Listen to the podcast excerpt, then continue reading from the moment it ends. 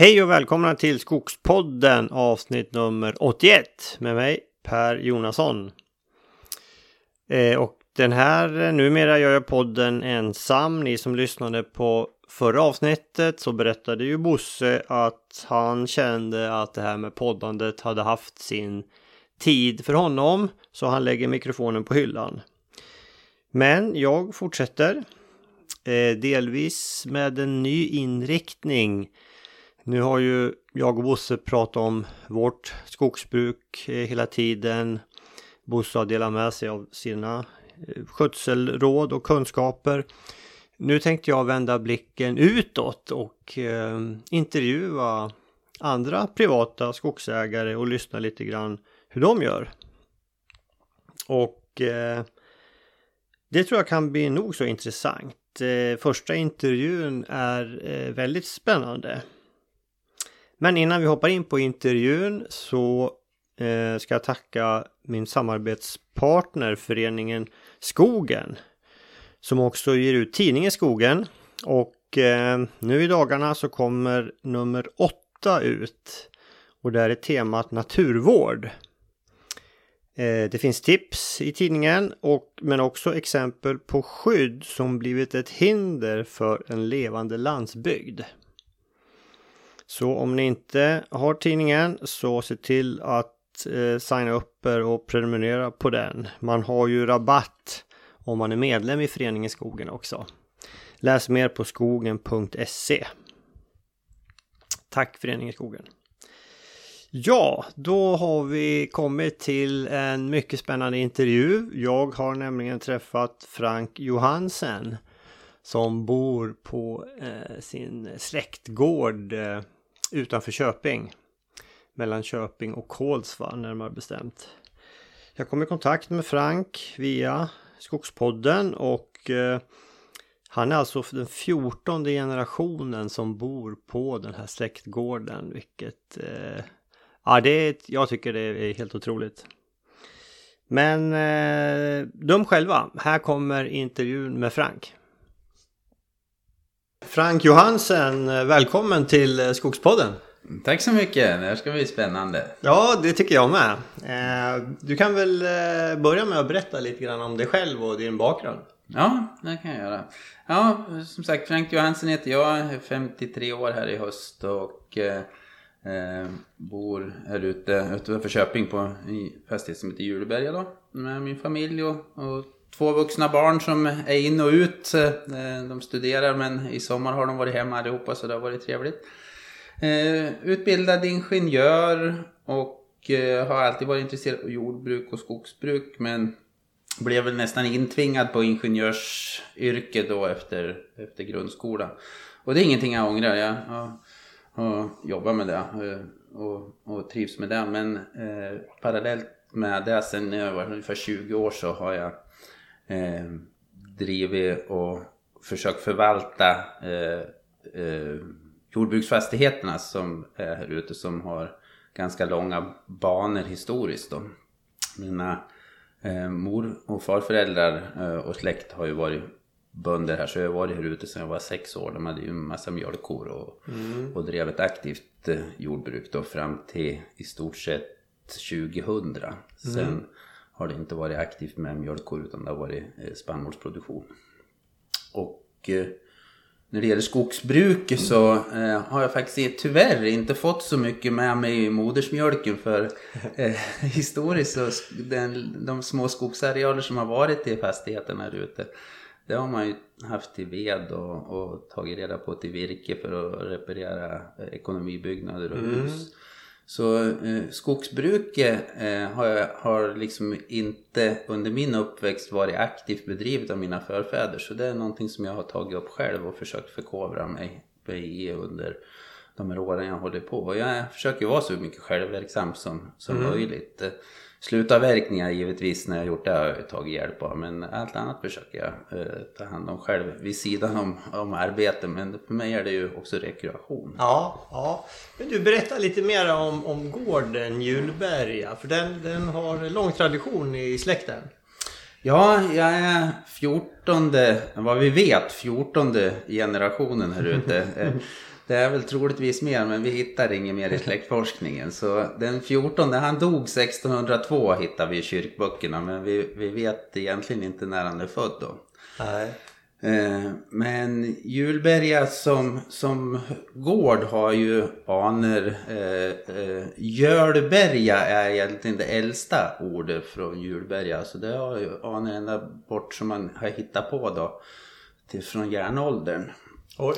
Så det är en del eh, på, på skogen fornlämningar som är utmärkta då från, från både stenåldern och men framförallt järnåldern och brons, bronsåldern. Då. Oj. Och sen finns det kvar en gammal salpeterlada här eh, på fastigheten. Vi vet inte riktigt hur gammal den är men eh, man tror att den är från Gustav Vasas tid. Eh, och eh, den, eh, det var en salpeterlada över jordkällaren ska jag säga, eller krutkällaren. Så bönderna fick lämna urin dit eh, som man eh, lät dunsta så man fick reda på salpeter då så man kunde blanda svartkrut. Och sen lagrade man svartkrut i den här krutkällaren. Oj. Eh, Så den är nog eh, ungefär ifrån samma ålder som den här 14 generationen. Alltså det, det, det finns troligtvis li- någon byggnad kvar då, och den är fantastiskt välbehållen. Och det är slutet på 1500-talet? då? Ja, det är slutet på 1500-talet. Och den ligger på, i skogen? Nej, den ligger här eh, Ja. i, i, i, i byn då. Ja. Så det är en nybyggd lada som är över den och det har varit lada över den hela tiden. Det är väl antagligen därför den har klarat sig så bra. Ja. Och den här lilla byn då, eller lilla Julberga eller Jölberga, det var faktiskt eh, eh, hade eh, var tvungen att hålla två ryttare till Kungsörs eh, infanteri eh, under Gustav Vasas tid. Fast det var så litet här så två ryttare var man tvungen att hålla då till, till försvar.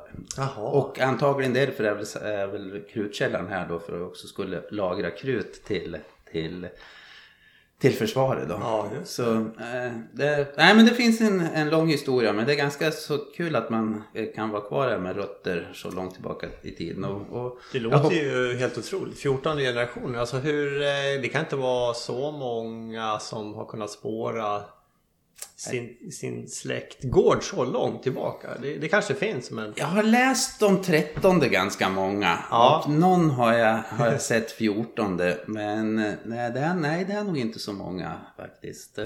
Så jag hoppas ju verkligen att barna, eh, någon av barnen vill, vill förvalta det här vidare. Så jag försöker skapa förutsättningar åt dem så får de bestämma själva vad de vill göra. Ja. Och du, eh, du och din familj äger flera hus här i byn. Ja, eh, om man pratar historien då så eh, fram till i stort sett eh, mitten på 1800-talet så var det i stort sett två ägare av Julberga by. Men sen vart det ju arvsskiften och det vart splittrat eh, eller uppdelat då. Eh, Så ända fram till 50-talet så var det fem aktiva jordbruk här som familjen levde på. Eh, Men uppdelat i flera fastigheter då. Så Ja, men lyckas nu eh, eh, skaffa tillbaks en del av de här. Så det är faktiskt sex fastighetsbeteckningar som, som jag äger. Och då är vi väl tillbaka så det är, är ungefär halva, lite mer än halva gamla Julberga by som, som är ihopplockat igen. Just det. Så det är lite roligt. Verkligen. Och eh, hur, hur mycket skog och åker hör, hör till fastigheterna? Det är ungefär 40-40. eh, Och eftersom det gränsar mot Hedströmsdalen och Hedströmmen fastigheterna så i samband med lagarskifte så när man sammanförde de här små skiftena så la man eh, de nya fastighetsbeteckningarna i öst-väst öst-västlig riktning så de börjar vid Hedströmmen så det, eh, och sen är det åkrar och sen blir det skog då och åkrar eh, ju längre österut man kommer. Så det, är- det är ganska precis 50-50 på de fastigheter som jag har, har skaffat tillbaka. Och eh, åkermarken, driv, gör du någonting själv där? Nej, det skulle ju vilja men, men eh, det, grannarna arrenderar det Ja. och, och det brukas aktivt eh, och det är jag väldigt glad för. För det, det, jag tycker det ser så tråkigt ut när, när man Ja. åker och det, det är, ligger Va, för vad, har ni, vad har de där då? På... Eh, Den ena, den ena grannen han odlar bara spannmål så det, det är ju uh, uh, växelbruk med, med moderna metoder där. Och sen den andra halvan är det mjölkbönder som, som brukar så det är roligt för då kommer du på naturlig gödsel och, och, och, och, lite av den gamla, gamla typen av, av bruk. Fast de kör ju modernt, de är ju högeffektiva. Det, Ja. det är två gårdar på andra sidan ån här som har eh, på 200 mjölkkor var. Ja, ja. Det går åt areal och Ja. mat åt, åt, Och åt de har ju mjölkkor. Det börjar ju, det försvinner ju fler och fler. Det är inte så jättemånga kvar. Alltså, Nej. det blir ju färre och större. Ja, och de här har ju investerat nu i, i sista Mm. årtiondena i, i toppmoderna med mjölkrobotar. Och det, så det, det, det är ju nästan som industrier. Och sen då ungefär 40 hektar skog. Mm. Uppdelat på kan man säga två, två skiften. Eh, ett som ligger närmast Hedströmsdalen då och sen det andra som ligger eh, med de åkrarna som är emellan ut emot Kolsvavägen då mot 250-vägen. Mm, just det. Eh, så, och det är också ungefär 20 eh, hektar sammanhängande då på, på två skiften. Ja. Berätta lite grann om ditt eh, skogsbruk då. Du har, du har liksom ingen eh, formell utbildning inom skogsbruk utan du är självlärd. Eh.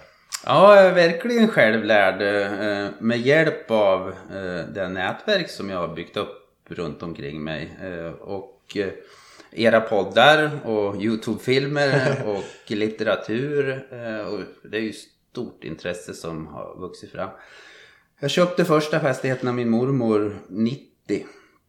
Och eh, eftersom de hade haft skogen som, som reserv då så var ju allt i stort sett i samma bestånd. Man, man har ju inte huggit i det. Så då, då för att få in, jag var ju nyutexaminerad ingenjör då hade ju inte speciellt mycket pengar men jag köpte fastigheten och för att få pengar till att rusta den då så då gjorde jag en slutavverkning på, på fyra hektar. Ja. Eh, eh, och eh, då, eh, det var väl det var, var väl efter där det började för då när det var slutavverkat så sparade jag frötall och skulle ha en självföryngring där. Ja. Och den skulle jag ju ta hand om själv. Så det var, det var, det var så det började. Och det var ingen markberedning gjorde jag för jag ville behålla eh, marken som den var och inte få Ja. den sönderkörd. Ja, det. Och det vart en fantastisk föryngring. Det var som en gräsmatta med, med tall eh, ända upp i midjehöjd. Eh, och jag var så lycklig. Ända tills eh, vintern, vad kan det ha varit då, midjehöjd, år sex eller sju eller något sånt där. Kom det in en älgfamilj på vintern och åt upp alltihopa. Aj då. Jaha. Så där fick jag ju börja om. Eh, Så jag, jag, jag, då hade jag inte läst på så mycket så jag, jag, jag lät det väl i stort sett att växa men gick in och började på gallra. Mm. Jag sparade givetvis där de hade beta. Och, så det bestånd idag består av eh, en del tall kvar men otroligt kanske 10 procent. Jaha. Eh, och sen är det kanske 50 procent 40-50% gran. Eh, och sen är det... eh, Som är, som är självföryngrad också Ja, eller? självföryngrande också. Och sen är det björk på resten. Ja. Eh, och eh, björken har jag ju gallra och, och, och ja, röjt och gallra och till och med stamkvistar lite grann. Så, så det är eh, två ytor på de här fyra hektaren som det är pelarsal nu med, med eh, över decimetern givetvis eh, björkar som står där. Så eh, jag behöver nog in nu och, och, och ta bort varannan ungefär för att de ska bibehålla kronan och, och få en tillväxt. Men de är raka och fina. Så det är verkligen, det blev kan man säga nu när jag eh, tittar bakåt. Så från ett totalt misslyckande så är det en fantastisk blandskog. ja. Och eftersom jag är jätteintresserad av djur och natur och, och mitt största intresse är jakt så, så är det ju ett fantastiskt område för djuren att vara i. Mm. Och i den här eh, björkpelarsalen så slår det ju upp sly under det här. Det är ju, skapar ju fantastiskt med viltbete. Ja.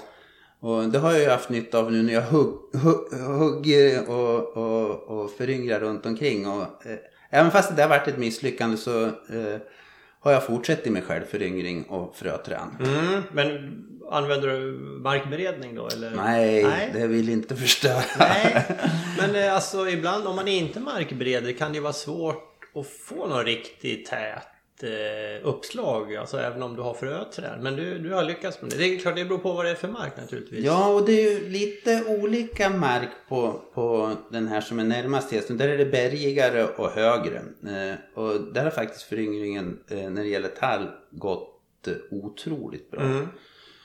Eh, så nej, så eh, fortsättningen är i alla fall att jag har, har haft fröträd och inte markbered och, och det har ja. blivit jättebra föryngring och klarar mig ifrån eh, de här stora bet, betesskadorna. Och jag tror varför jag fick mycket betesskador på den första, det var det, var det enda område där det var ungskog på runt omkring. Mm. Så det var mm. enda ställe de hade mat. Just det. Eh, så jag har fokus på nu hela tiden att producera viltfoder parallellt ja. med att producera skog. Ja.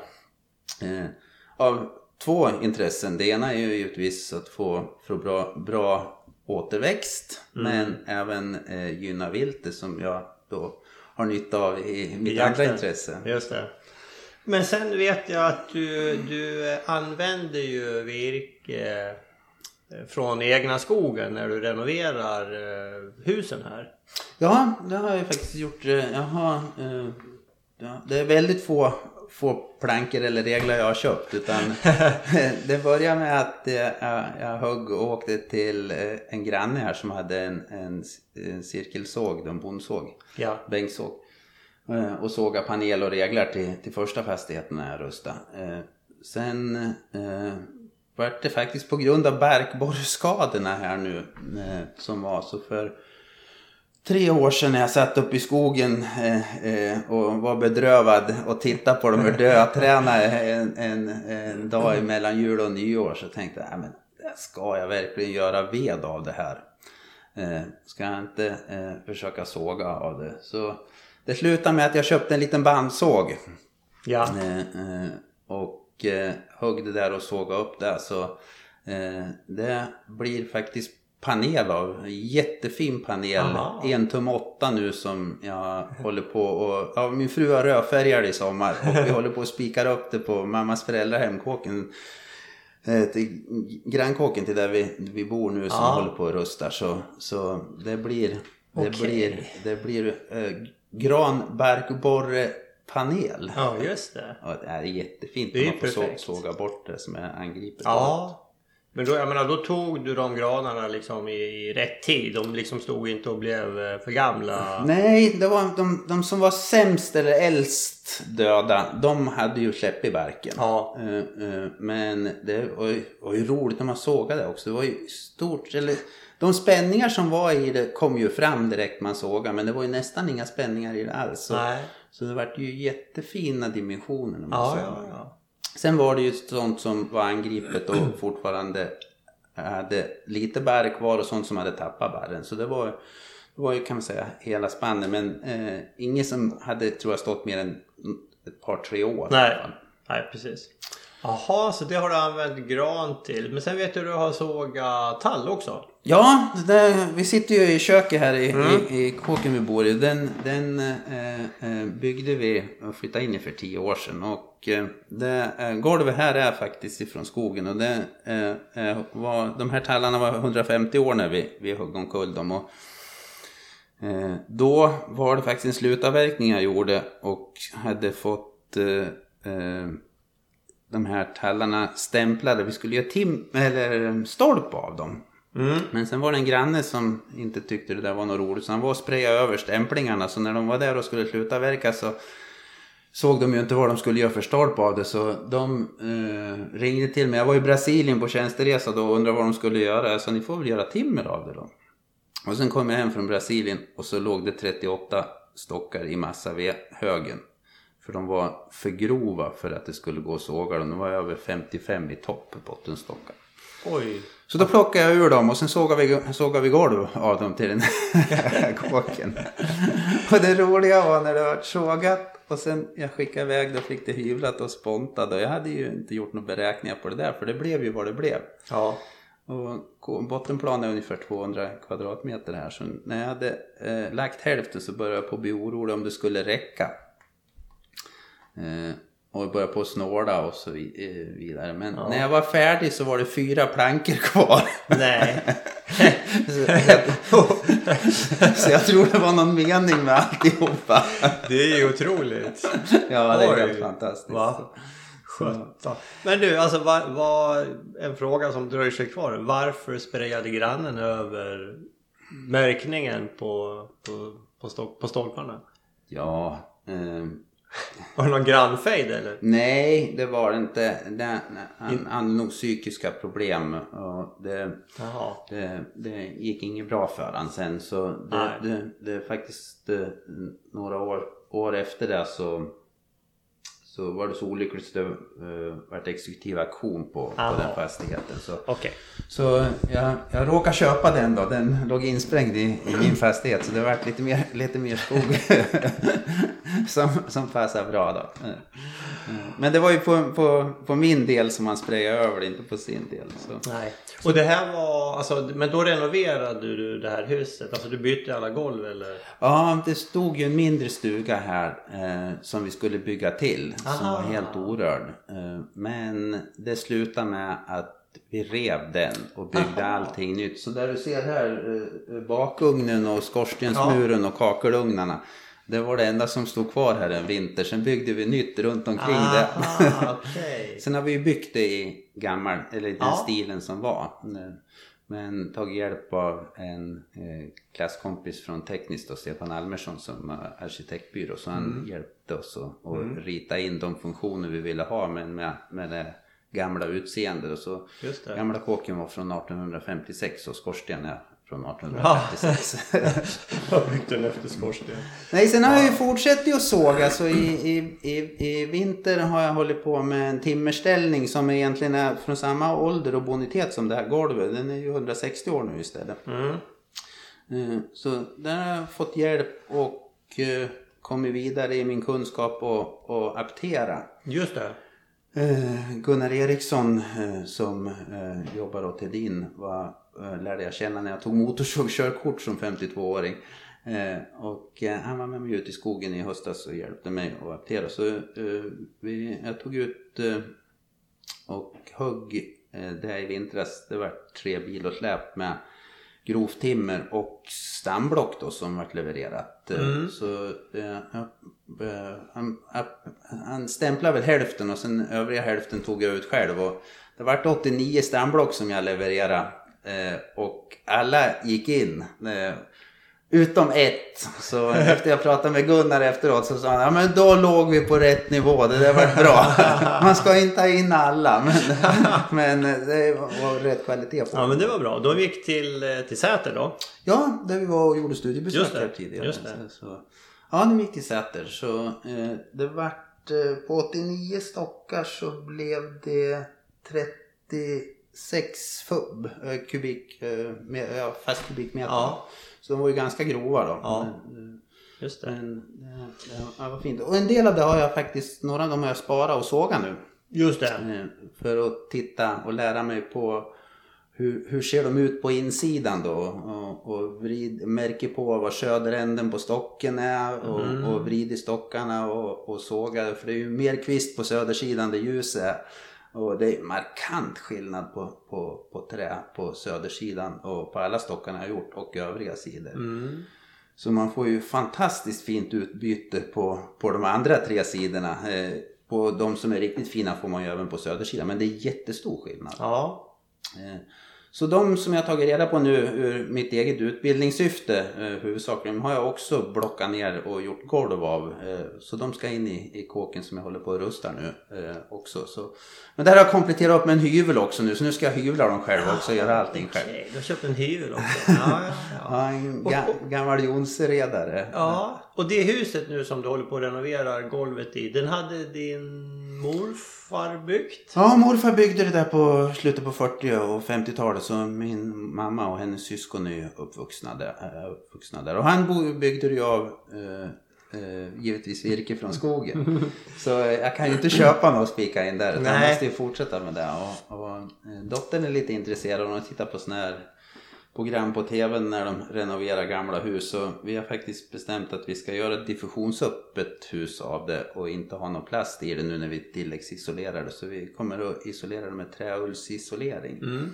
Och eh, ingen plast. Och sen där jag hyvlar sparar jag kutterspånen så de ska ju upp på vinden och fortsätta isoleras med det. Så det, det. blir ett naturvänligt hus med material ifrån fastigheten. Ja. Bortsett från träullsisoleringen den, den köper jag ju. Ja. Och den är också gjord med brandskyddsmedel så att om det brinner ska det ju inte brinna lika fort i alla fall. Nej, just det. Intressant. Annars har man ju ofta någon diffusionsspärr. eh, Ja, det är bara en, jag läst nu, bara en ångbroms eh, ska man ha som är diffusionsöppen. Så, och Ja. jag ser ju när, nu när jag håller på och rustar, det är ju 8 tum, alltså 200 mm trä i väggarna i fyra olika skikt och sen är det ju eh, vissa eh, eh, områden är isolerade med kutterspån och det är ju, fast det har varit läckage så är det inte ens ruttet och inte ens muggligt. Nej. För Så- det torkar ur sen. Det torkar ur. Ja. Helt fantastiskt naturmaterial. Ja. Spännande. Du har ju visat några bilder på det där. eh, Jag, hade ju, jag skrev ju min blogg. eh, Mm. Det var ju otroliga samblock som du sågade upp. Alltså det var, och det såg ju så kvistfritt ut också. Ja, det var, det var, det var fantastiskt eh, kvistfritt. För det där, kan, det kan ju vara så att det, har gått djur på skogen eh, då för 160 år sedan. Så det har blivit stamkvistat eh, en del av Mm. att det har gått djur där. Det törs jag inte säga men det, det är ju, det är ju, uh, de är ju riktigt fina de jag har tagit reda på. Men det har ju också lett till att jag har ju ungefär samma strategi som, som du och Bo har. Jag, eh, all föryngring nu av tall har jag ju stamkvistat sedan 15 år tillbaka i tiden. Hur gör du då? Berätta. Ja, eh, jag gör nästan som jag har lärt mig av er. Jag började faktiskt innan jag eh, läste, eller tittade på era poddar och, och, och, och läste om er att jag eh, fick litteratur ifrån eh, Niklas Berntsson som jag läste. Så jag har eh, stamkvista börjat lika tidigt men faktiskt varit lite hårdare eh, på eh, och inte spara lika många toppvarv som ni gör till början. Alltså, nu har jag backat och gör som er men eh, Alltså, hur- alltså varv i toppen? Ja, Eh, där stod det att det räckte att spara 3 till 4. Så Okej. det, det gjorde jag till början med. Mm. Eh, Och det funkar. Mm. Men jag, så tillväxten tror jag stannar av lite mer. Men å andra sidan så då blir det ju tätt och fint i kärnan. Ja, ja precis. Så, och jag stamkvistade, det mesta jag har stamkvistat fram till nu har jag faktiskt stamkvistat upp till 6 meter och det är ju okunskap för, eh, i alla fall idag. eh, För eh, det, Ja. det vad, vad sa Gunnar? Fem och en halv max va? Eller? Ja, och det är ju för att de kan ju inte såga något mer eh, idag. Men om, man vet ju inte hur det ser ut om, om 100, 120 år. Nej, nej, det, det, det, blir ju fint virke så det går ju att göra tre meter stockar av det. Absolut. Få utbyte av det. Men du om du är uppe på sex meter, det är ju bra högt. Alltså hur, hur gör du då? Det gör ont i axlarna efter några timmar. Ja, du jag, har, jag har en stångsåg Ja. eh, eh, med te- teleskop då. Så man får ju eh, skjuta ihop den när man flyttar sig mellan träden och sen dra isär den och sen få upp den. Och det är svårt att få ståg, sågen in till stammen och, och få, Mm. få fina avsågningar där uppe. Eh, Men det, det tar man tid på sig. Ja. Men, men nu, nu framåt kommer jag nog att nöja mig med kanske jag kanske tar fem, fem meter upp, eh, eller alltså det blir en fem meter stock och då förhoppningsvis får jag nytta av nästa grenvarv en halv meter, eh, 60-70 centimeter Ja. längre upp så det, det blir lite längd på det. Just det. De grenar som är längre ner, sågar du dem också? Du klipper inte? Alltså de som Nej, är... nej, jag har faktiskt Du eh, sågar? Jag, sågar. Mm. jag har en sån här liten Ja det är väl Husqvarnas produkter men det är en, typ en japansåg. Så den, för, första gången då har jag den urskruvad ur teleskophandtag och bara går, går med det för hand. Och det är ju egentligen bara ett eller två Ja, drag. Så, det går ja. väldigt smidigt. Ja. Men jag provar med sekatör också men jag får ondare i handen av att gå och klippa Ja, ja, än, ja. att, än, att, än att dra av dem. Just det. Så det första jag har eh, eh, stamkvista ska jag väl in här om några år och göra första eh, gallringen i då. Ja. Eh, så då tror jag det blir otroligt vackert. Och jag, Ja. jag, har te- jag har stamkvistat tätt så jag kommer ju ha alldeles för mycket stamkvistar kvar. Eh, eh, eller ja, det är för mycket för att ha kvar och stå på slutet. Så, Ja. så sista eh, avverkningen innan de sista får stå kvar kommer ju också vara, vara stamkvistade. Eh, Ja. Men Hur, hur många brukar du landa på per hektar? Eh, Ja, jag har inte räknat. Eh, men när jag var uppe hos er så skulle jag tro att jag har nog tre gånger mer stamkvistat än vad ni har eh, per hektar. Och jag vet inte vad det kan innebära. Ja, men vi, vi brukar väl landa kanske på 200, inte Ja, då, fler. då ligger jag nog på 600. Ja. Det jag. Men jag ska glesa ur det nu utan det har varit, varit med. Så på vissa områden där det är fint, Mm. berghällar och där jag vet att djuren passerar och där har jag stamkvistat lite mer för att det ska bli nu när jag, när jag gallrar, det blir liksom en pelarsal av Ja. det. Så, eh, och sen på vissa ställen kanske det bara är 200 för det finns inte mer träd som är värda att stamkvista. Nej. Men där det finns träd där det är fint, där har jag nog gjort alldeles för tätt. Ja, ja, ja. Ja men jag, jag har hört fler som gör det. Att, eh, det, blir lite, det blir estetiskt också. Det blir vackert i skogen. Jag hoppas det. Sen får man hoppas att det, ingen säger om, om 120 år när de ska avverka det där att den där dumma idioten som gick och stamkvistade förstörde skogen. Vi vill ju inte ha kvistfritt virke, vi vill ju ha kvistigt virke. Precis.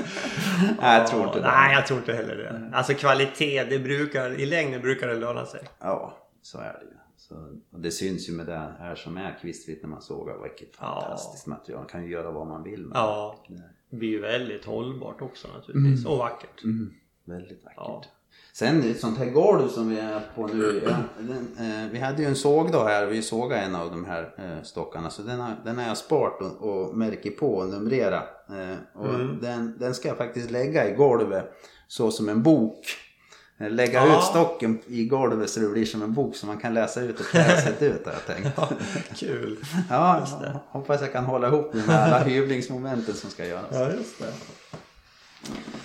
Ja, vad, vad har du mer då? Har, är det mycket tallmark här? Eller har du någon gran, eh, rena granbestånd?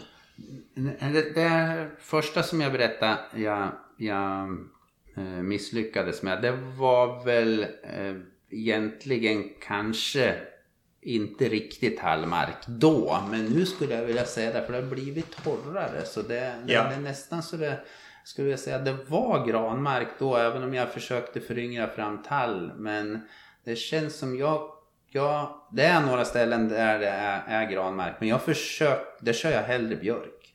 Mm. Och det har jag inte gjort på grund av grannmärkborgen. Det har jag gjort tidigare på grund av Ja. att jag ville haft en blandskog.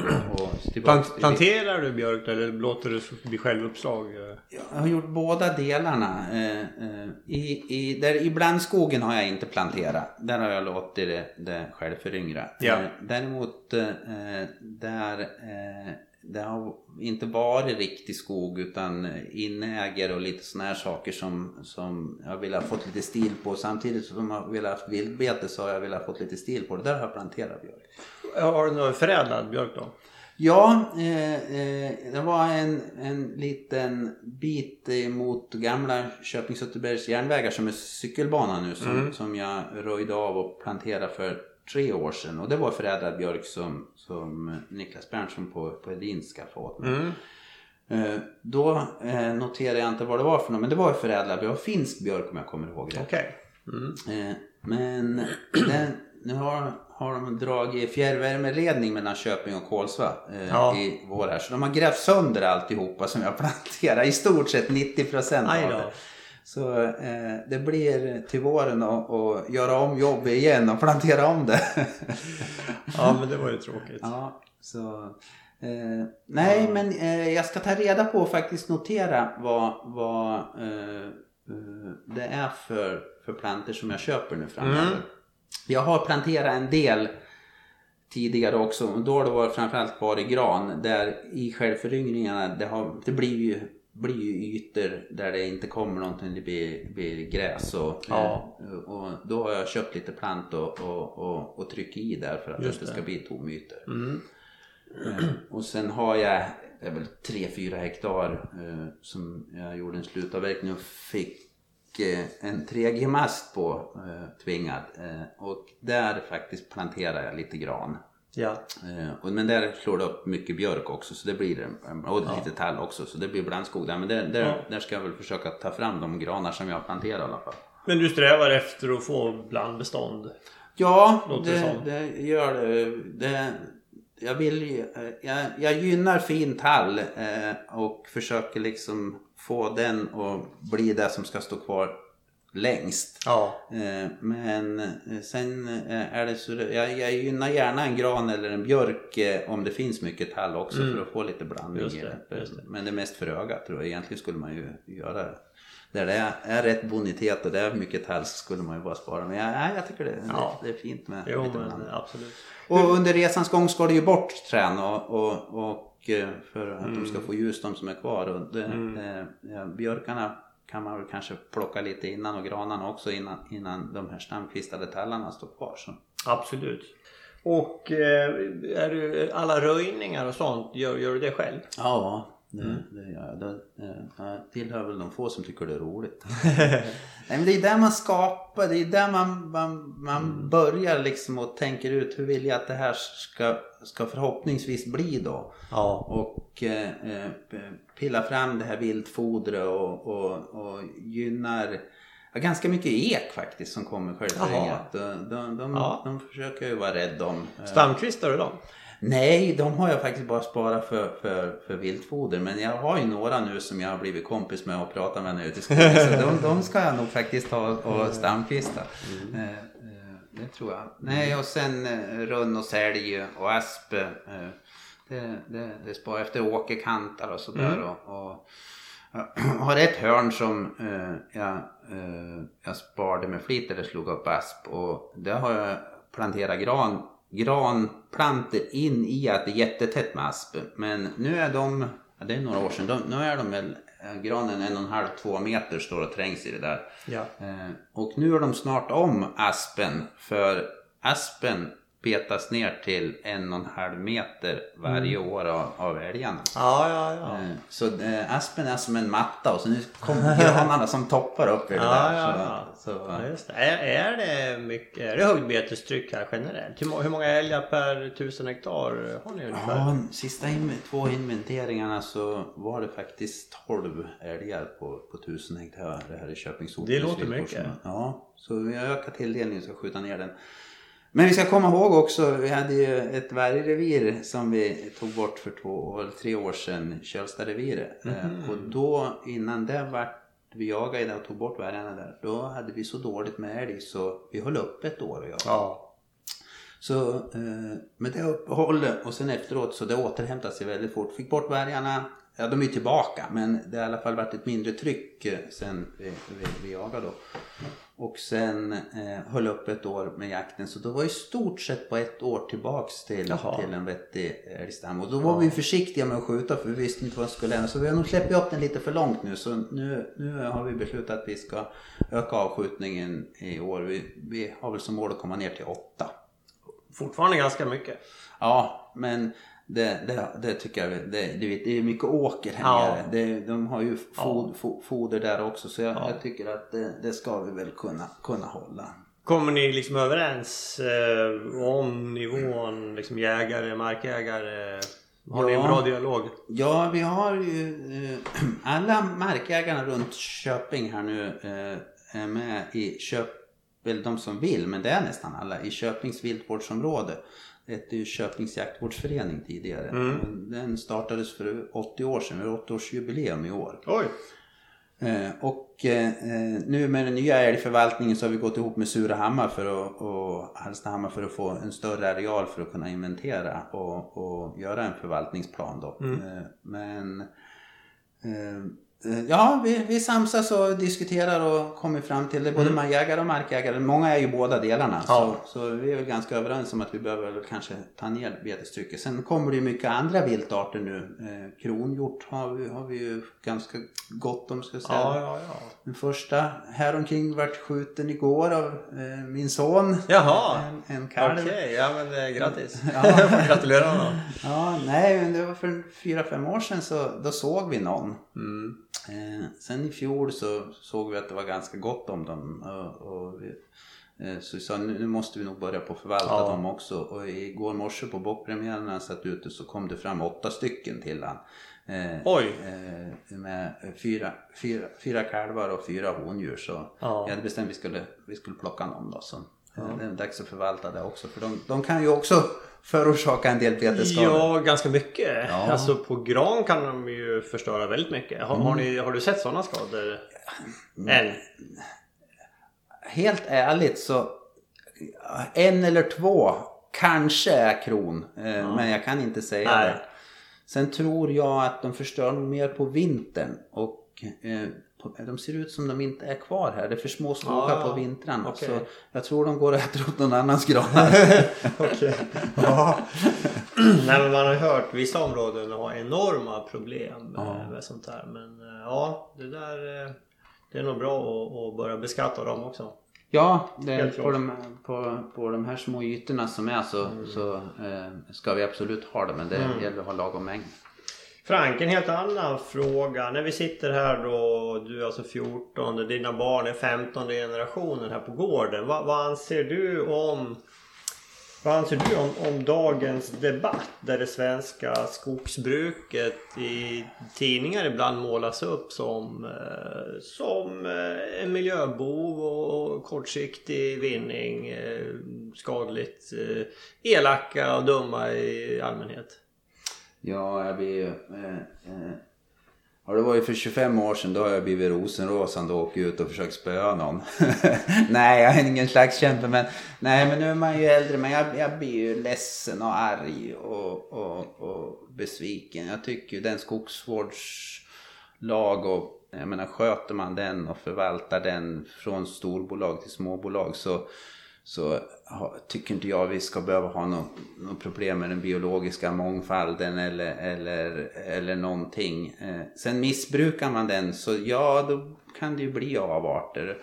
Och jag eh, är ju med på ett arrende fyra mil norr om här där det är en, en av Sveriges största markägare som äger den skogen som vi arrenderar på 4 500 hektar. Och, och de, de förde ju den också. Eh, fast de hugger ju mycket hårdare än vad, vad, vad jag gör. Eh, och kanske inte spar den produktiva skogen lika länge. Men de spar ju äldre skog. Och, eh, nej, jag, jag, blir, jag, blir, jag blir ledsen och förbannad när jag läser debatten. Det, jag tycker, ska vi ha ett välstånd så måste vi producera men vi måste göra det med förstånd. Och, och jag tycker eh, det jag ser av skog och jag är ju på mycket skog från Hofors till, till Sörmland och, och jagar. Jag jagar ju hundra dagar per år. Så jag springer ju över några tusentals hektar per år Ja. i Mellansverige och det, jag, jag kan säga det, det är ju fantastisk skogar vi har. Som är varierande skötta med olika strategier men, men ja, jag blir ledsen när jag, när jag ser den här debatten. Det, eh, och, Och den här äh, att skogsbruket målas ut som, som kortsiktiga bara jaga snabba vinster. Jag menar om vi pratar här 14 15 generationen. Det är väl långsiktighet om något. eh, tycker jag. Ja, det är det ju. Uh, nej, jag kan säga att det största hotet jag ser nu eh, eh, det, det är egentligen inte den debatten utan det är alla de här vindkraftsindustrierna som sätts upp överallt. De, det. de, de gör mig fruktansvärt rädd och, och framförallt att eh, jag hittar inte, jag har under sommaren googlat och sökt mycket på, eh, eh, från ett landsperspektiv, vad ska man ha för strategi när det gäller elproduktion och, och, och eh, eh, hur ska vi blanda eh, eh, miljövänlig elproduktion med annat. Och det, jag hittar ingen nationell strategi och det gör mig mörkrädd. Och sen gör det mig mörkrädd nu när jag ser hur hela landet projekteras med, med vindkraftverk för att producera ström. Och när, ju mer man läser på om det här. Ja, för åtta veckor sedan var jag för vindkraft. Nu är det, det är vår största miljökatastrof. Det är min bild nu som vi ser framför oss med, med det som sätts upp. Bara, bara slitaget på vingarna som är gjorda i plast och glasfiber under en livslängd gör ju att det kommer att spruta ut mikroplaster i naturen. Och, och det kommer ju inte vara bra för vår, vår, våran biologiska mångfald när, när det här lägger sig uppe på fiskyngel och insekter och, och Mm. alla insekter som dör av de här vindsnurrorna. Det gör mig ännu mer arg just nu när jag läst på. Ja. Vilken miljökatastrof vi håller på att bygga upp med de här vindkraftverken. Lite bakgrund eh, till det här då. Jag vet ju att det, det pågår eh, diskussioner eller prospektering av ganska storskalig vindkraft en bit norrut härifrån eller västerut. Ja, jag skulle vilja säga så här att det, det är eh, projektering i hela landet. Det är bara Ja. att folk inte vet om det. Nej. Eh, Men det, det är ett man kan projekt på gång i närheten här av Köping. Ja, hela norra eh, delen av Köpings kommun nu är det tre olika, eller egentligen fyra olika bolag som håller på att pro, pro, projektera då. Eh, sen är det inga beslut fattade om. Nej. Men, men det var ju samma med det här som jag varit lite engagerad och börjat på att läsa på. Och det, Och, det, och här pratar man 300 meters torn. ja, det är Det helt... är vid Eif- Eiffeltorns storlek. Ja, det är Eiffeltornet. Eller fyra Globen uppe på varandra. Ja, det är helt otroligt. Eh, Bygg, sen- Byggda i trä kanske i och för sig. Nej, Inte ens det. det, och det är tillbaks till att prata miljö. De, de blir ju stort sett aldrig koldioxidneutrala. För det går ju åt så mycket stål till torn och, och, och produktion Mm. och det skapar ju koldioxid när det produceras. Och vet du hur många betongbilar det går åt till varje fundament i en sån här snurra? Eh, nej men jag, jag fick frågan, jag och min fru pratade om det här för inte så länge sedan. Hur många kubik, eh, nej men alltså betongbilar det, det är väl... 100 till jag tänkte säga, 150 det är- beroende på Det om är det, någonstans 100, ja. beroende på eh, om det är en 5 eller 7 kubiks betongbil. Ja. Eh, och det ska ner i marken och sen ska du upp en stålställning på det här. Och, Ja. Och, och, eh, nej, eh, Och sen har du mikroplasterna då från vingarna. Ja, och eh, insekterna som, som, eh, man, som man nu läser blir ihjälpiskade av det här och fåglar som blir ihjälpiskade. Eh, Och eh, eh, det, det, när det inte blåser producerar det ju ingen energi så då måste vi ha energin någon, ta någon annanstans ifrån oss. Som vi har, som jag har förstått politiken nu så kommer ju inte kärnkraften att räcka till. Så utan då får man ju eh, köpa el från kolkraftverk och, och, och nej, jag, jag, blir, jag blir så ledsen. Eh, I mitt professionella arbete som företagsledare och, och jobbar med elektrifiering för fordonsprodukter så när jag har läst på nu, man blir ju, man blir ju ledsen när, Ja. man, när man inte ser att det finns en, någon som kan ta en helhetsbild Nej. över det här i, i landet framförallt då, men kanske ur i ett större perspektiv också. Och sen bara få för sig att man ska bygga vindkraftverk och det kommer ju fram mycket forskning nu. Även ljud, buller. Eh, det man har ju decibelnivåkrav på det här 40 decibel för, för industrier. Men, Ja. Men det här är ju andra ljud som inte går att, att mäta i decibel A eller B. Och det är pulserande ljud och det ju, Mm. kommer ju fram forskning att människor blir påverkade, hjärtfrekvenser och allt möjligt av det här pulserande ljud. Så jag tycker absolut innan, innan man har, någon eh, kon, fullständig konsekvensbeskrivning eller förstår helheten av det här så borde man ju slå stopp på det här i alla fall. Mm. Eh, så man, så man eh, ja, har bättre kunskap om vad, vad det är vi Mm. håller på att göra. För jag, jag, min bild just nu är att vi håller på att bygga upp en naturkatastrof med, med de här vindkraftsindustrierna. För jag kallar det industrier. Ja. För det, det är ju inte bara att det är ett 300 meters torn. Det ska ju anläggas vägar. Du kan ju tänka dig när en sån här vinge ska in till en sån här plats och monteras upp. Och vingen är 100 meter lång. Det innebär att den är ju stel. Ja. Eh, Så det är ju en, en långtradare med släp idag är ju 24 meter som går efter vägarna. Ja. Skruva ihop fyra sådana efter varandra så de är stumma. Ja. Och det är en vinge och den ska ut i skogen, eller tre sådana här ska ut i skogen och lyftas Ja. upp. Så bara det också, bygga vägar för det här. Ja. Jag blir nästan... Det är värre än den fråga du ställde tycker jag ur, ur, ur ett nutida perspektiv. Ja. För det, det, det här kommer inte bli något bra. Nej. Det är min bild.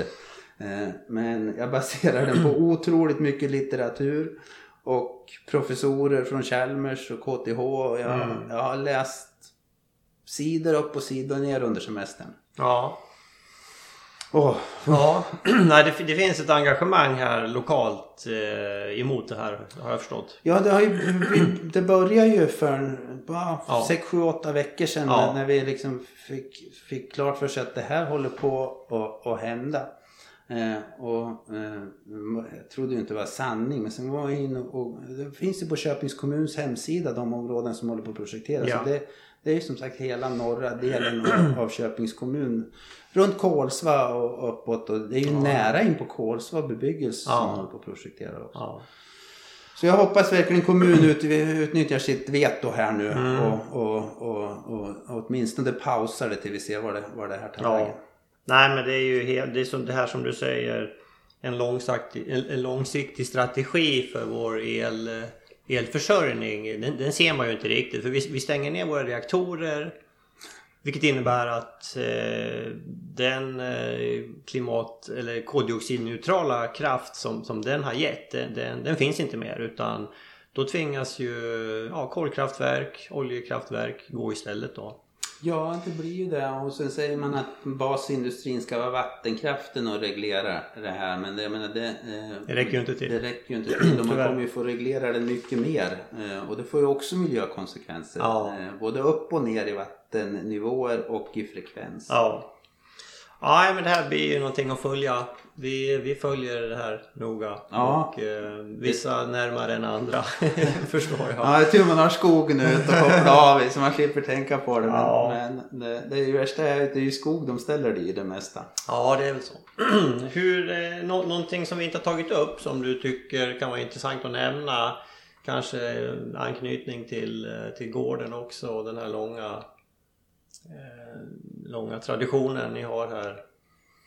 Nej, det, det, det, ja, det, det man hoppas det är ju att det kan få fortsätta några generationer till och att eh, eh, barnen är intresserade. De är intresserade. Eh, de har varit med och planterat sedan de var små och, och, eh, ja. och eh, grabben har varit med och huggit och, och, och så vidare. Så det, det, det ja, jag har väl förhoppningar om att de vill ha det kvar. Men det vore, det vore, vore ju jätteroligt om det kunde få fortsätta vara kvar. Mm. Inte bara vara kvar utan också att skötas och förvaltas. Och utvecklas. Mm. Ja. Avslutningsvis då, är det någonting eh, som du vill passa på att skicka med till Sveriges 320 000 privata skogsägare? Något gott råd? Ja. Hur gör man för att tycka det är lika kul i, i skogen som, som du uppenbarligen tycker? Nej, men jag, jag, jag tror, man måste ju tycka det är kul eh, om man ska hålla på. Men eh, eh, jag tror det viktigaste är att eh, om man är intresserad, det är att hitta en strategi. Och bilda sin uppfattning. Vad vill jag göra med det här? Och hur vill, försöka tänka hur vill jag att det här ska se ut om 60, 70 beroende på varför 100 år. Har, har du skog som inte är äldre än 20-30 år då kan du ju faktiskt påverka hur det ska se ut när det är färdigt. Ja. Eh, är den äldre så är det ju svårare. Men eh, eh, om man tycker det är kul, ha hitta en strategi som man tror på. Håll fast vid den.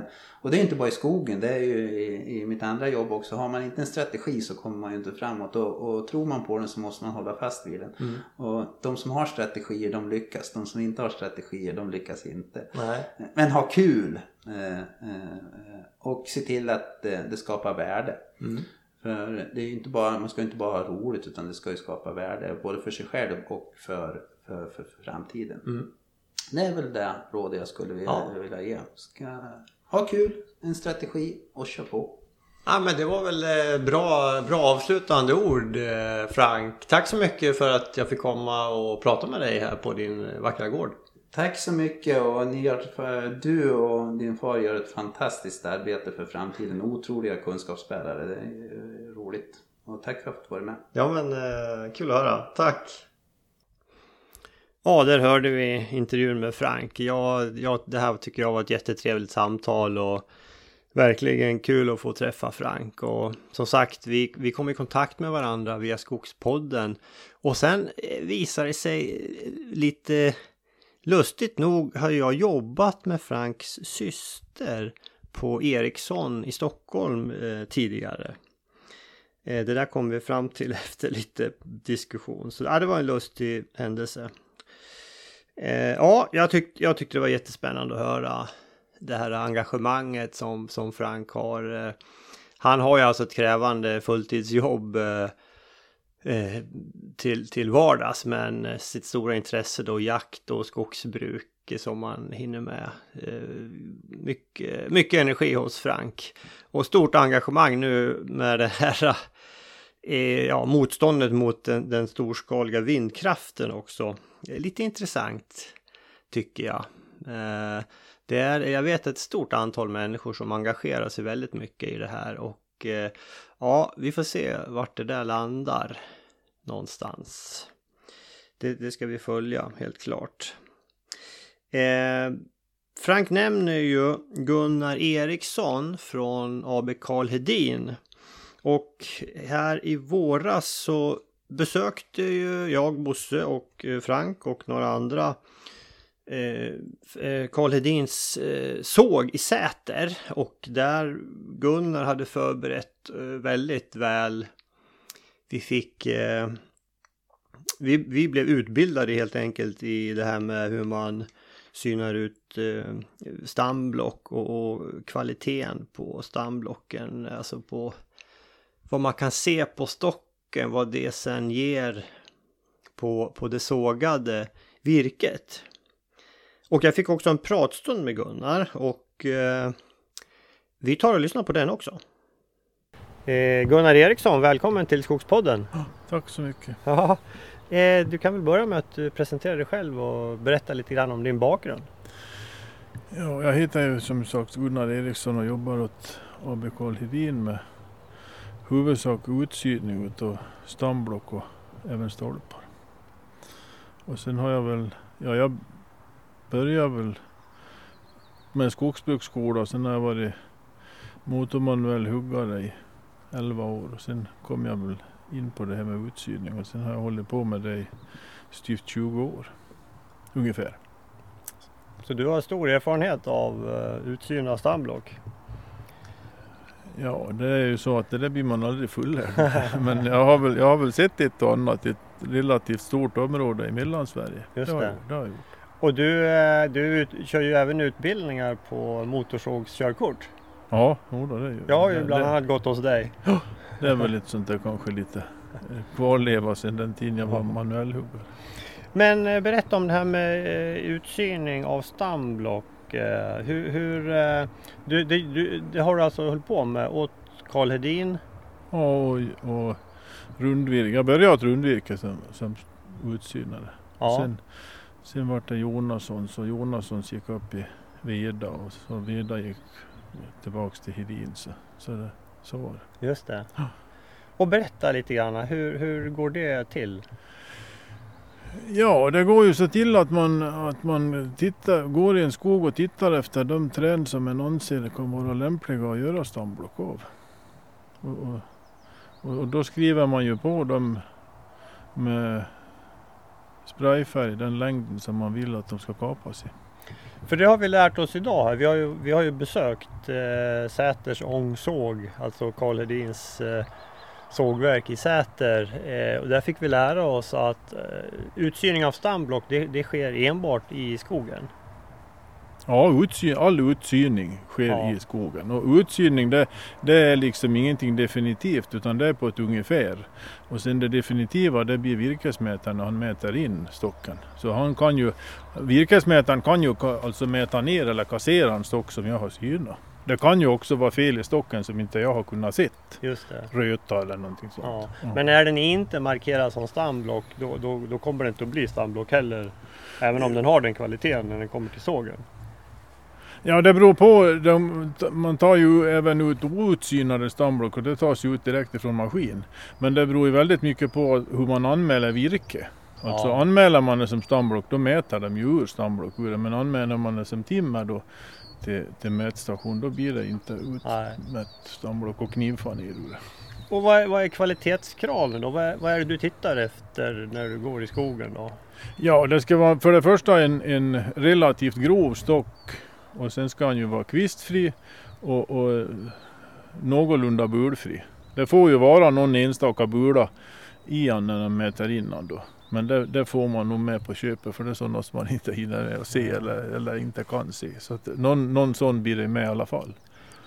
Nu nämnde var det att det fick vara tre bulor? Ja, det ska få vara det. Nej men när jag säger bula, det är liksom det är, det är ingen kvist? Nej, det är en övervallad kvist. Alltså kvisten sitter längre in och sen har ju, har ju vallat över den. Så då, då blir det ju en bula och bulan blir ju mindre dit längre eller dit tidigare som kvisten har blivit övervallad. Just det. Och sen till slut så blir det ju slätt då. Hur stor får bulan vara?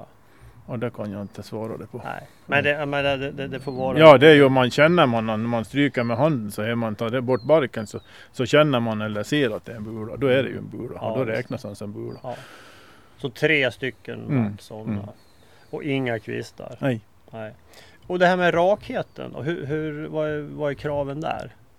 Ja, det är um, en jämn långböj på maximalt 1 procents båghöjd och, och båghöjden det är ju längden på stocken då. Mm.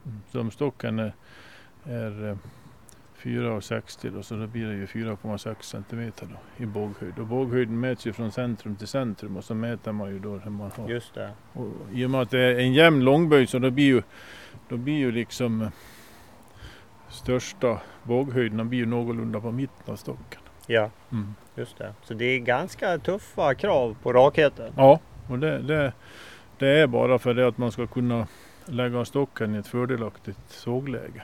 Just det. Mm. Och det är, väldigt, det är väldigt viktigt att, att sågaren när han ska såga stamblock att han kan rotera stocken så han, så han försöker att samla stockens fel i ena stockens halva. Mm. Det är det det går ut på. Just det. Därför är det hårda rakhetskrav. Ja. Och en jämn långböj går ju att kroksåga. Men det får absolut inte vara tvärkrok. Nej. Eller slängkrok. Nej, just det. Och hur ska man tänka det här med längden då?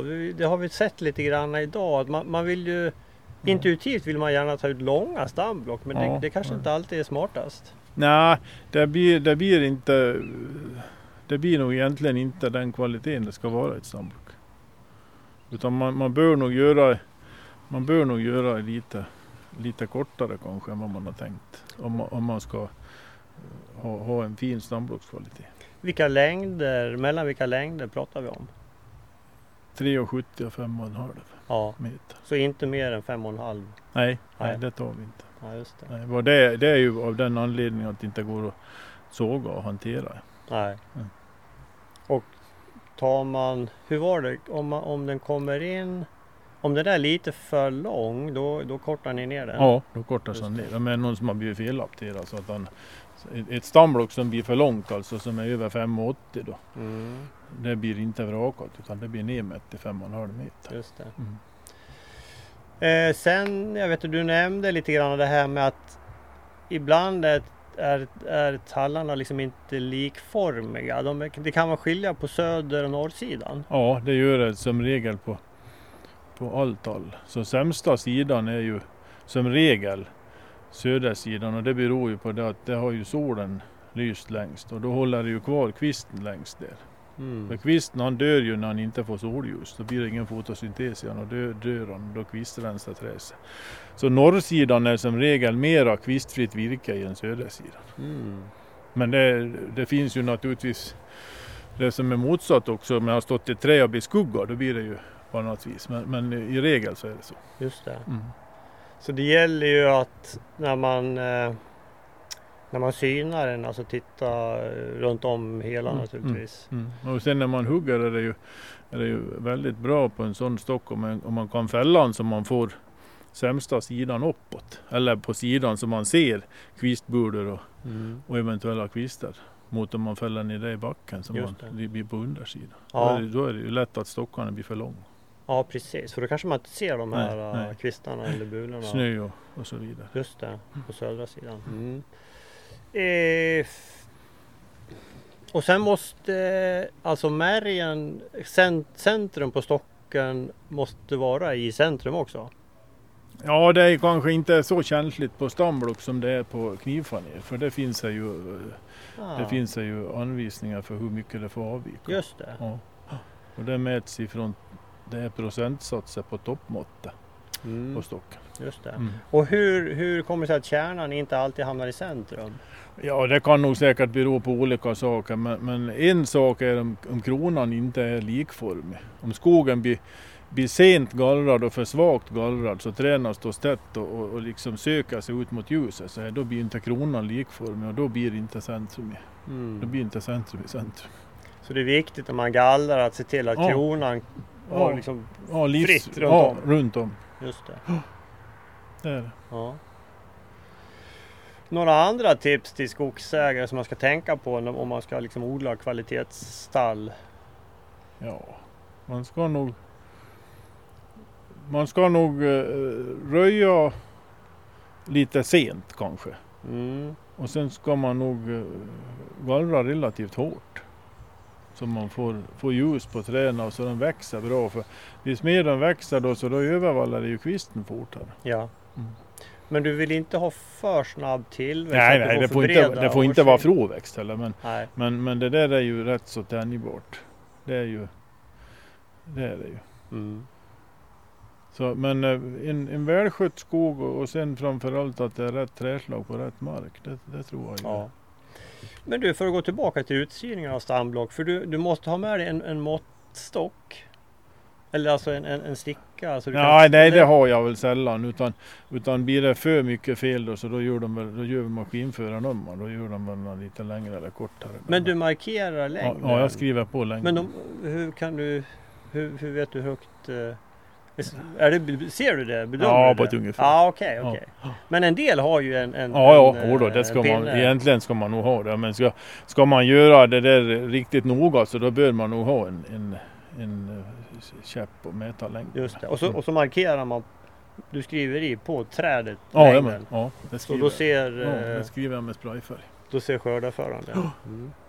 Men eh, hur är det? Hur mycket... Hur, hur funkar det? Eh, Utsyning? Kom, om man säljer till Karl Hedin, kommer du och synar ut eller lär du upp?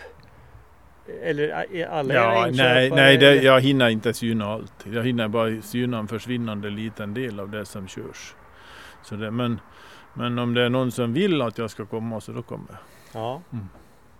Just det. Men du lär upp också era inköpare? Ja, jo då, vi har ju haft några med oss här idag. Så det, de är väl med och tittar. Ja. Ja, intressant. För det är inte stamblock, det är inte så jätte, jättestor, det är inte så jättemånga sågverk som sågar det. Nej, det är det inte. Det har, det har sjunkit markant på Ja. det här 40 åren som jag har hållit på i skogen så, så har det väl Ja, det, det är väl i stort sett inte så många kvar som håller på. Nej, Nej. så ert, eh, ert sågverk i Säter måste vara ett bland de större som håller på med det. Ja det tror jag. Jag vet inte så exakt vad de andra sågar för någonting. Men det, det är väl inte så det är förfärligt många kvar i Sverige som sågar stamblock. Rundvirke är väl stora med, med sitt där. De har ju Mm. ett väldigt stort fint sågverk som de sågar stamblock. Och sen finns det väl mindre aktörer också. Ja, Mm. mm, just det. Ansgario Svensson till Ja, exempel. ja. Nej men vi såg ju på eh, sågen idag som vi besökte den här röntgenutrustningen som ni Ja. har investerat i sågverket vilket var fantastiskt kul att se. ja. ja. Beskriv lite grann, vad, vad gör den? Ja, det är väl egentligen en, en virkesmätare som är datoriserad. För att en virkesmätare han skulle ju ha röntgenögon. ja, en del säger ju att du har det. Ja, det vet jag inte. Det är nog en överdrift. Jag börjar på bli så gammal så jag börjar på se väldigt dåligt. Då är det, nog en, det är nog en dålig röntgen. Men eh, nej, men det, det är nog... Det kan ju vara bra för med den här kärnsorteringen då för det kärntrallen och det där. Så kan Just ju det. den röntgen För där ser du, Ja, det, det, du kan ser man aldrig se, kärnan. det kan man aldrig se på, på rotstående skog. Nej. Det är väldigt svårt. ja. Det blir det. det blir Men där svårt. på röntgenutrustningen där ser du Ja. andelen kärnan och sen ser du även alltså kvistarna. Ja. Även om Ja. de är övervallade Ja, så ser du var de sitter. Och, då, och, och när de får förfina det där kanske lite ytterligare så då kan de säkert se hur långt in kvistarna sitter i förhållande till, till eh, mantelytan. Så att Just det. det, det, där, ja, det där kommer nog mer och mer, det tror jag. Ja, Och det där, det, jag skulle tro att det där kommer även på inmätningen.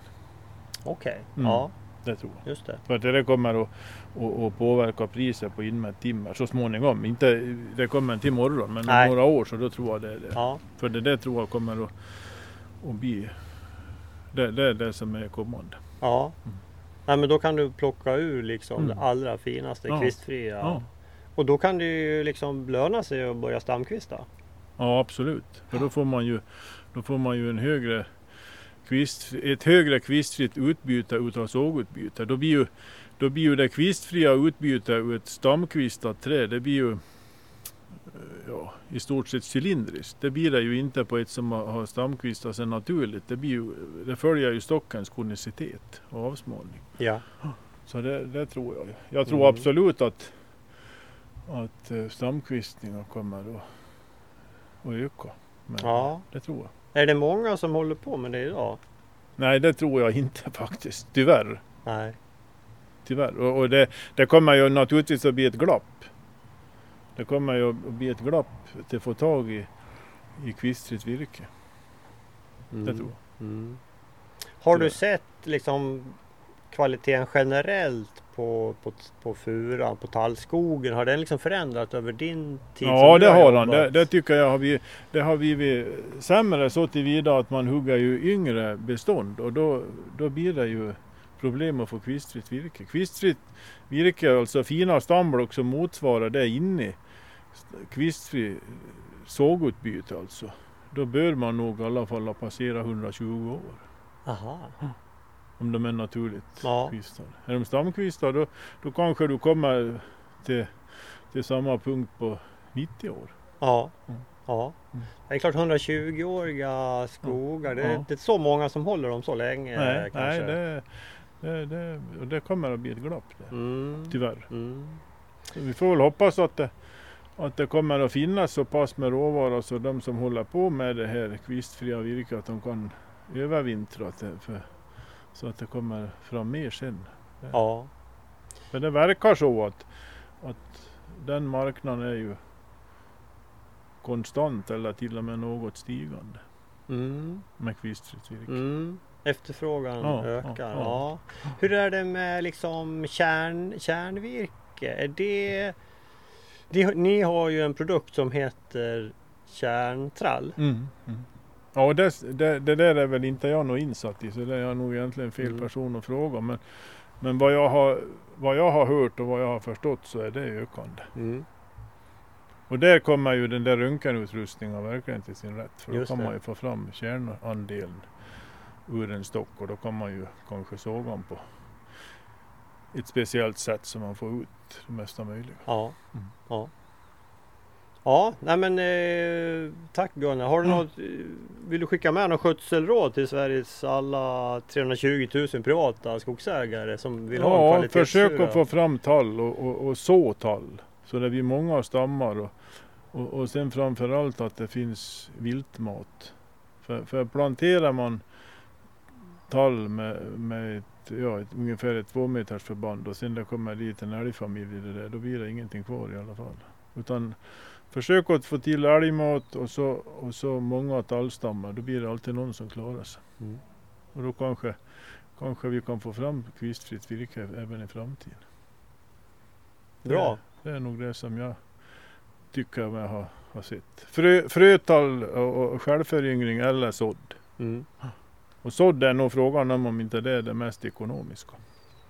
Då har du förädlat frö också? Ja, och sen är det, det är ju inte gratis att ställa frötall. Nej. Och, och man kommer ju i det läget om man gör ett litet hygge då så ställer man 15-20 fina frötallar på det där. Och, och sen när man ska hugga ner det där om man inte vill eller kan hugga manuellt och få fram det själv då.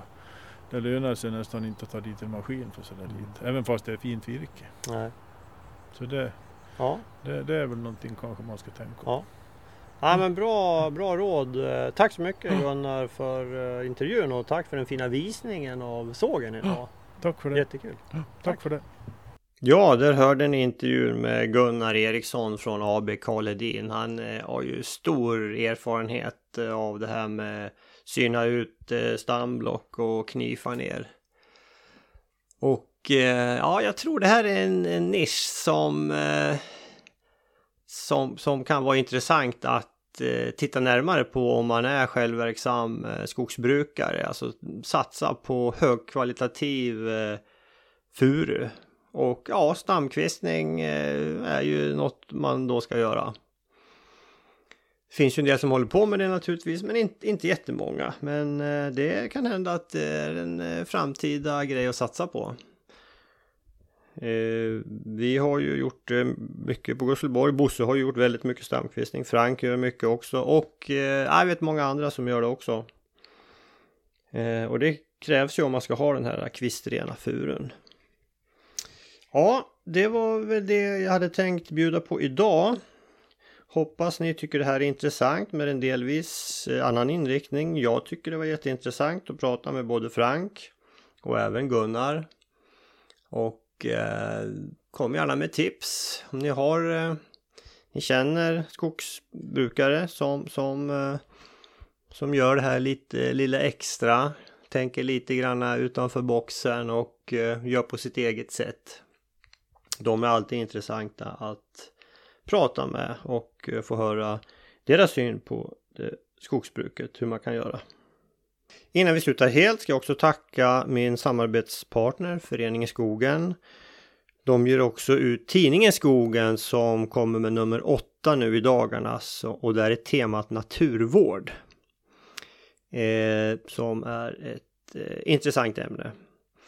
Och bli gärna medlem i Föreningen Skogen också. Gå in på skogen.se så får ni läsa mer om det. Det kostar bara 350 kronor per år. Jag är ju medlem där förstås och jag sitter även i styrelsen i Föreningen Skogen sen, sen april i år. Vad bra! Då säger jag tack så mycket att ni har lyssnat och jag hoppas vi hörs igen om en månad. Tack och hej!